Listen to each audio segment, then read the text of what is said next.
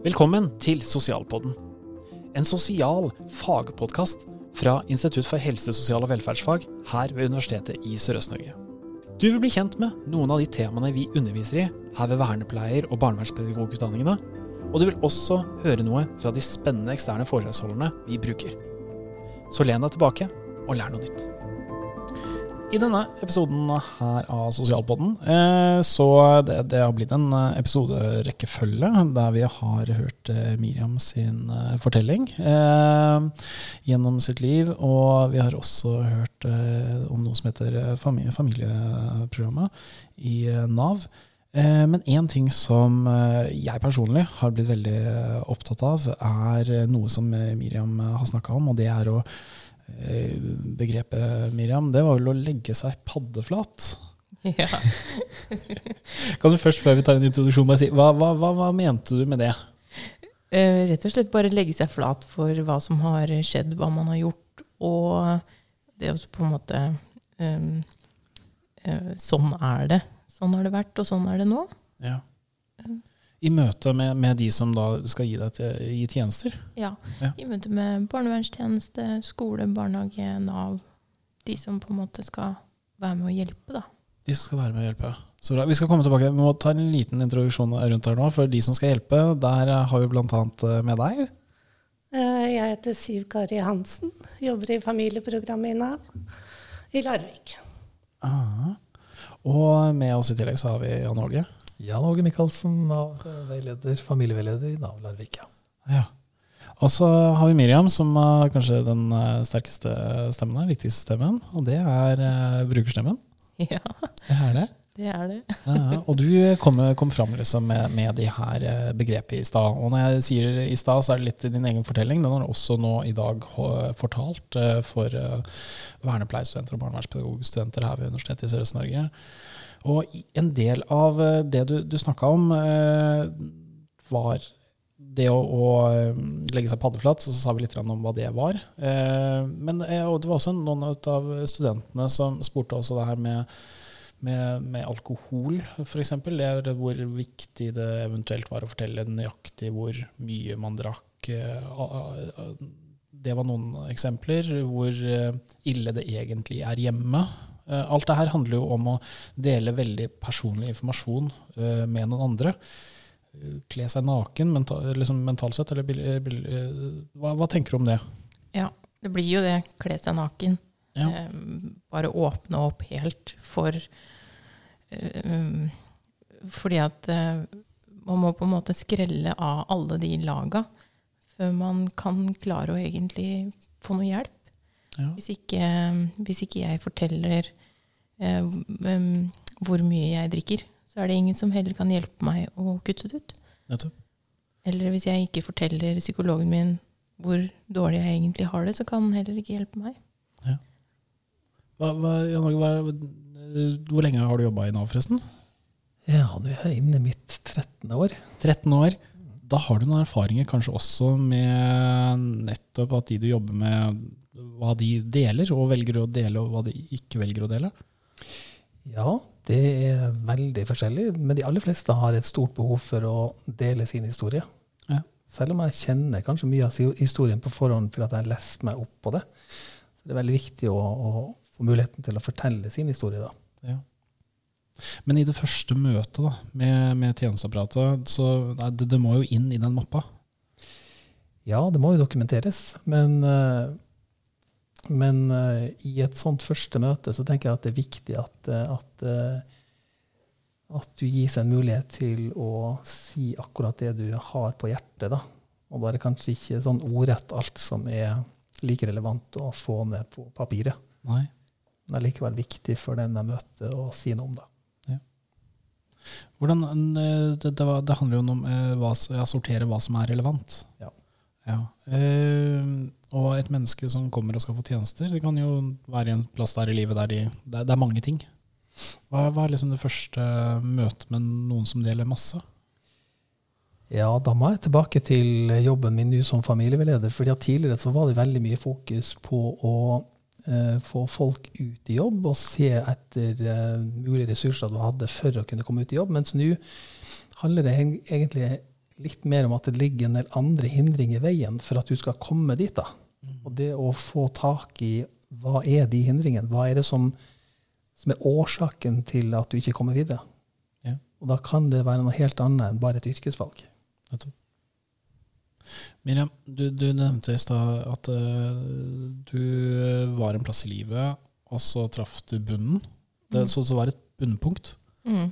Der uh, du bare la deg paddeflat, var liksom de ordene. Men det var også et, et menneske du møtte. Ja. Um, jeg møtte jo på barnevernstjenesten. Ja.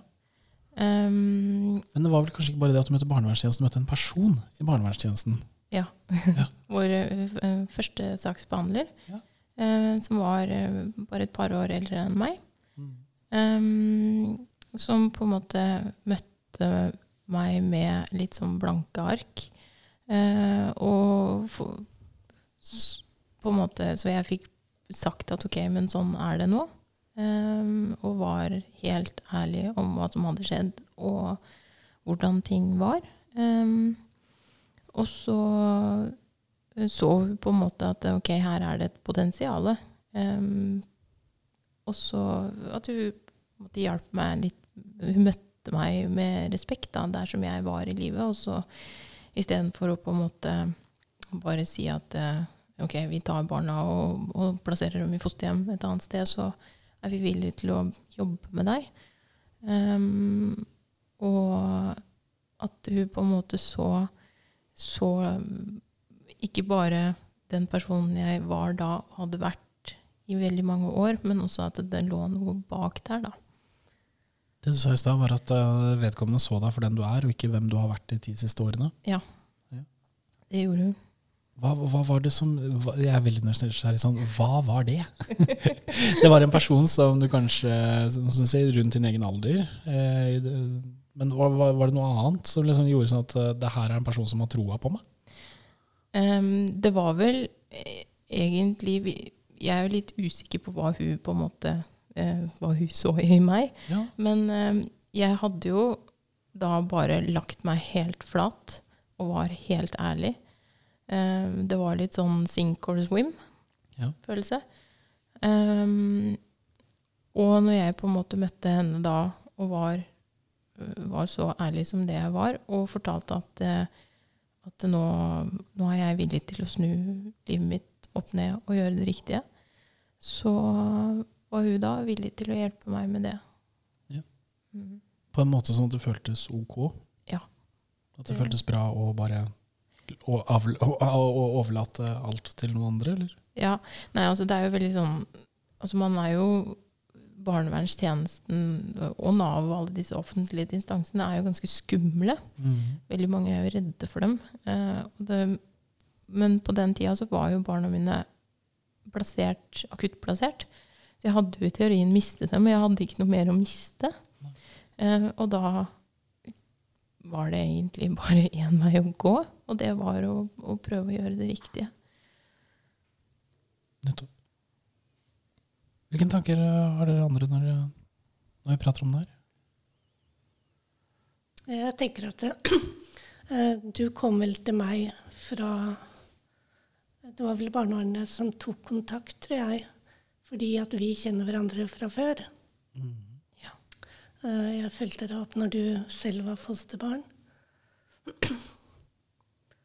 Eh, jeg vet ikke om du husker helt i starten engang. Ja. Jeg husker vi gikk turer. Vi gikk og gikk. Ja. prata, prata. Jeg husker det. Men uh, det var på en måte Du ville gjerne prate om mye som kanskje ikke var så relevant for Nav, men som du likevel hadde behov for å, å tømme deg for. Da. Og alle de tingene du har fortalt meg, har ikke jeg notert meg og legger inn noe journal. Nei, nettopp. Eh, for mye informasjon som Nav får, det har vi ikke på en måte bruk for i din Nav-sak. Men det er fortsatt, eh, når vi prater om å jobbe i relasjoner, så er det fortsatt nyttig å det, det, det, har jo vært noe positivt i det, selv om det mm. ikke har vært skrevet ned noen plass. Men det handler jo om å, å se et menneske helt. Ja, absolutt. Det var nok nødvendig for din del å få lov til å komme inn den veien, da. Um, og du fikk bruke tid. Det tok lang tid før du kom på sporet, for å si det sånn. Ja. Og det, det, var jo også viktig for meg å på en måte gjøre noe med min relasjon til Nav. da. Det at, jeg på en måte, at vi kunne ut og gå tur, og jeg kunne snakke om alle problemene mine. Ja. Um, det gjør det jo mye tryggere enn at jeg skal sitte på et kontor og møte et menneske som bare skal sette stempel på et papir, osv. Ja. Man blir jo hørt og forstått. Du prata i stad en del om skam. Ja. Hvordan, hvordan, henger det her med å liksom skulle blottlegge seg og skam det, det, henger sammen? Det henger veldig sammen, ja. Altså, jeg, um, alle de tingene på en måte som har skjedd, alle episodene som har, har oppstått, og ting jeg har gjort, Um, jeg skamma meg jo veldig i etterkant. Uh, og hadde Det var liksom hovedfølelsen min var egentlig skam. Um, skamma meg liksom for alt. Uh, samtidig med dårlig samvittighet. Uh, og det gjorde det jo ikke noe bedre at jeg på en måte måtte inn på Nav og få sosialstønad. Ja det også var jo på en måte litt bånn i bøtta. I hvert fall når jeg har en utdannelse fra før av. Jeg har tre barn, jeg skal liksom ha Jeg har bil, og jeg har hus, og jeg har alt. Og så raser hele kortstokken sammen. Og så skal du også prate om de tingene som du skammer deg over. Ja.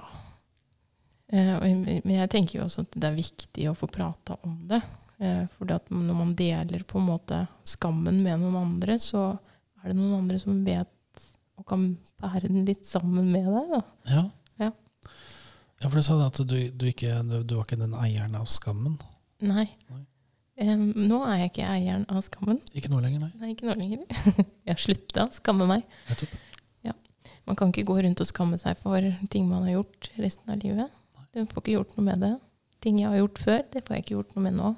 Så bare det å på en måte jobbe videre, da, og så gjøre det beste ut av det. Ja. Mm. Hva, men, men, hvordan har den prosessen vært? Den prosessen har vært eh, veldig, veldig tung. Veldig ja. slitsom, veldig krevende. Eh, og det har, tatt, det har jo tatt nesten tre år, for jeg har liksom ordentlig klart å komme meg på beina igjen. Um, det, det, som er da, at Når jeg først liksom nå har landa på beina, så har jeg landa ganske stødig. Ja. Um, og da jeg tenker sånn at uh, den tryggheten og de ting, tiltakene og de tingene som har blitt gjort for meg av det offentlige, de har på en måte um, resultert i det at uh, fallgruven er ikke så lang. Sånn at jeg står litt stødigere, tenker jeg. Og det er jo på en måte det er jo en trygghet for, for min egen del, at jeg vet sjøl at uh, ok, hvis jeg skal falle litt tilbake igjen, så er det noen som tar tak i meg og hjelper meg på. Det er den som er der. Ja. Rett før vi starta å ta opp denne episoden, så, så prata vi også om maktbegrepet. Mm. Og så sa du en ting om at eh, nei, jeg føler egentlig ikke det er så mange som hadde makt over meg rundt. Nei. nei, og det er jo egentlig litt sånn Det er jo litt rart. Når jeg på en måte har hatt kontakt, så mye kontakt som det jeg har hatt med det offentlige, eh, så har jeg Jeg føler sjøl at jeg ikke har blitt møtt med um, noen som skal vise makt. Nei. nei. Men samtidig så vet vi at eh, rent sånn objektivt så, så er det jo virkelig et stort maktapparat som har vært inne her. Ja, absolutt. Du nikker? Ja, det er ikke noe tvil om det. Det, det kan jo oppfattes ulikt, men eh, det, det, er ikke vår oppgave å forsterke den skamfølelsen din. da. Det er jo å, å møte deg for den du er, og møte deg på ditt uh, nivå. Um, der du er i dag. Og det er kanskje den viktigste jobben uh, vi ser. da. Men, eh, men, hvordan skal vi få frem de ressursene som vi vet er der? Og det har tatt tid, men du har, eh, du har virkelig tatt, eh, tatt steget. Så, men, men hva, hva, vi, hva, hva, er det vi kan gjøre i det offentlige da, som uh, forsterker de her opplevelsene? Tenker at uh, vi har mange ting å jobbe med, men, men jeg tenker at den tida vi må bruke i begynnelsen av et sånt møte, er er veldig tidsbesparende på sikt. da. Nettopp. Så hvis vi tar oss den tida til å stille noen spørsmål som vi da kanskje ikke er så opptatt av.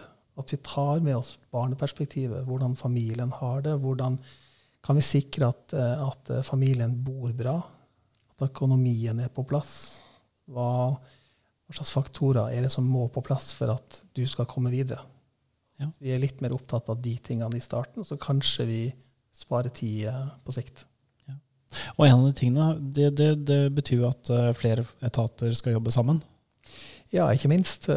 Vi, vi er jo litt bunn av taushetsplikt osv. Men, men jeg tenker med samtykke fra den som er i sentrum her, sånn, så, så, er det mange muligheter for å samhandle i mye større grad enn det vi gjør i dag. Mm-hmm. Hvordan har det opplevd? At andre prater om deg? Er ikke det er den første følelsen jeg kunne fått? Liksom? Nei, nå signerer jeg noe samtykkeskjema om at andre skal ha møter eh, bak min rygg. Har du hatt den følelsen? Nei, jeg har faktisk ikke hatt den følelsen. Uh, for det har ikke blitt gjort. Um, jeg, har, jeg, har, visst hele tida hvem, hvem, som skal hva, på en måte.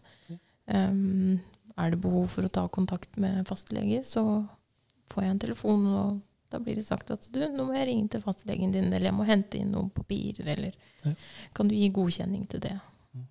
Så, så, veldig ofte så får man jo da beskjed om hva det egentlig handler om. Eh, så jeg føler ikke at det er noen som har gått over hodet på meg. Jeg har på en måte blitt, fått lov til å være med, da. Mm. Tusen takk for at uh, dere har vært med i denne episoden og delt erfaringene deres.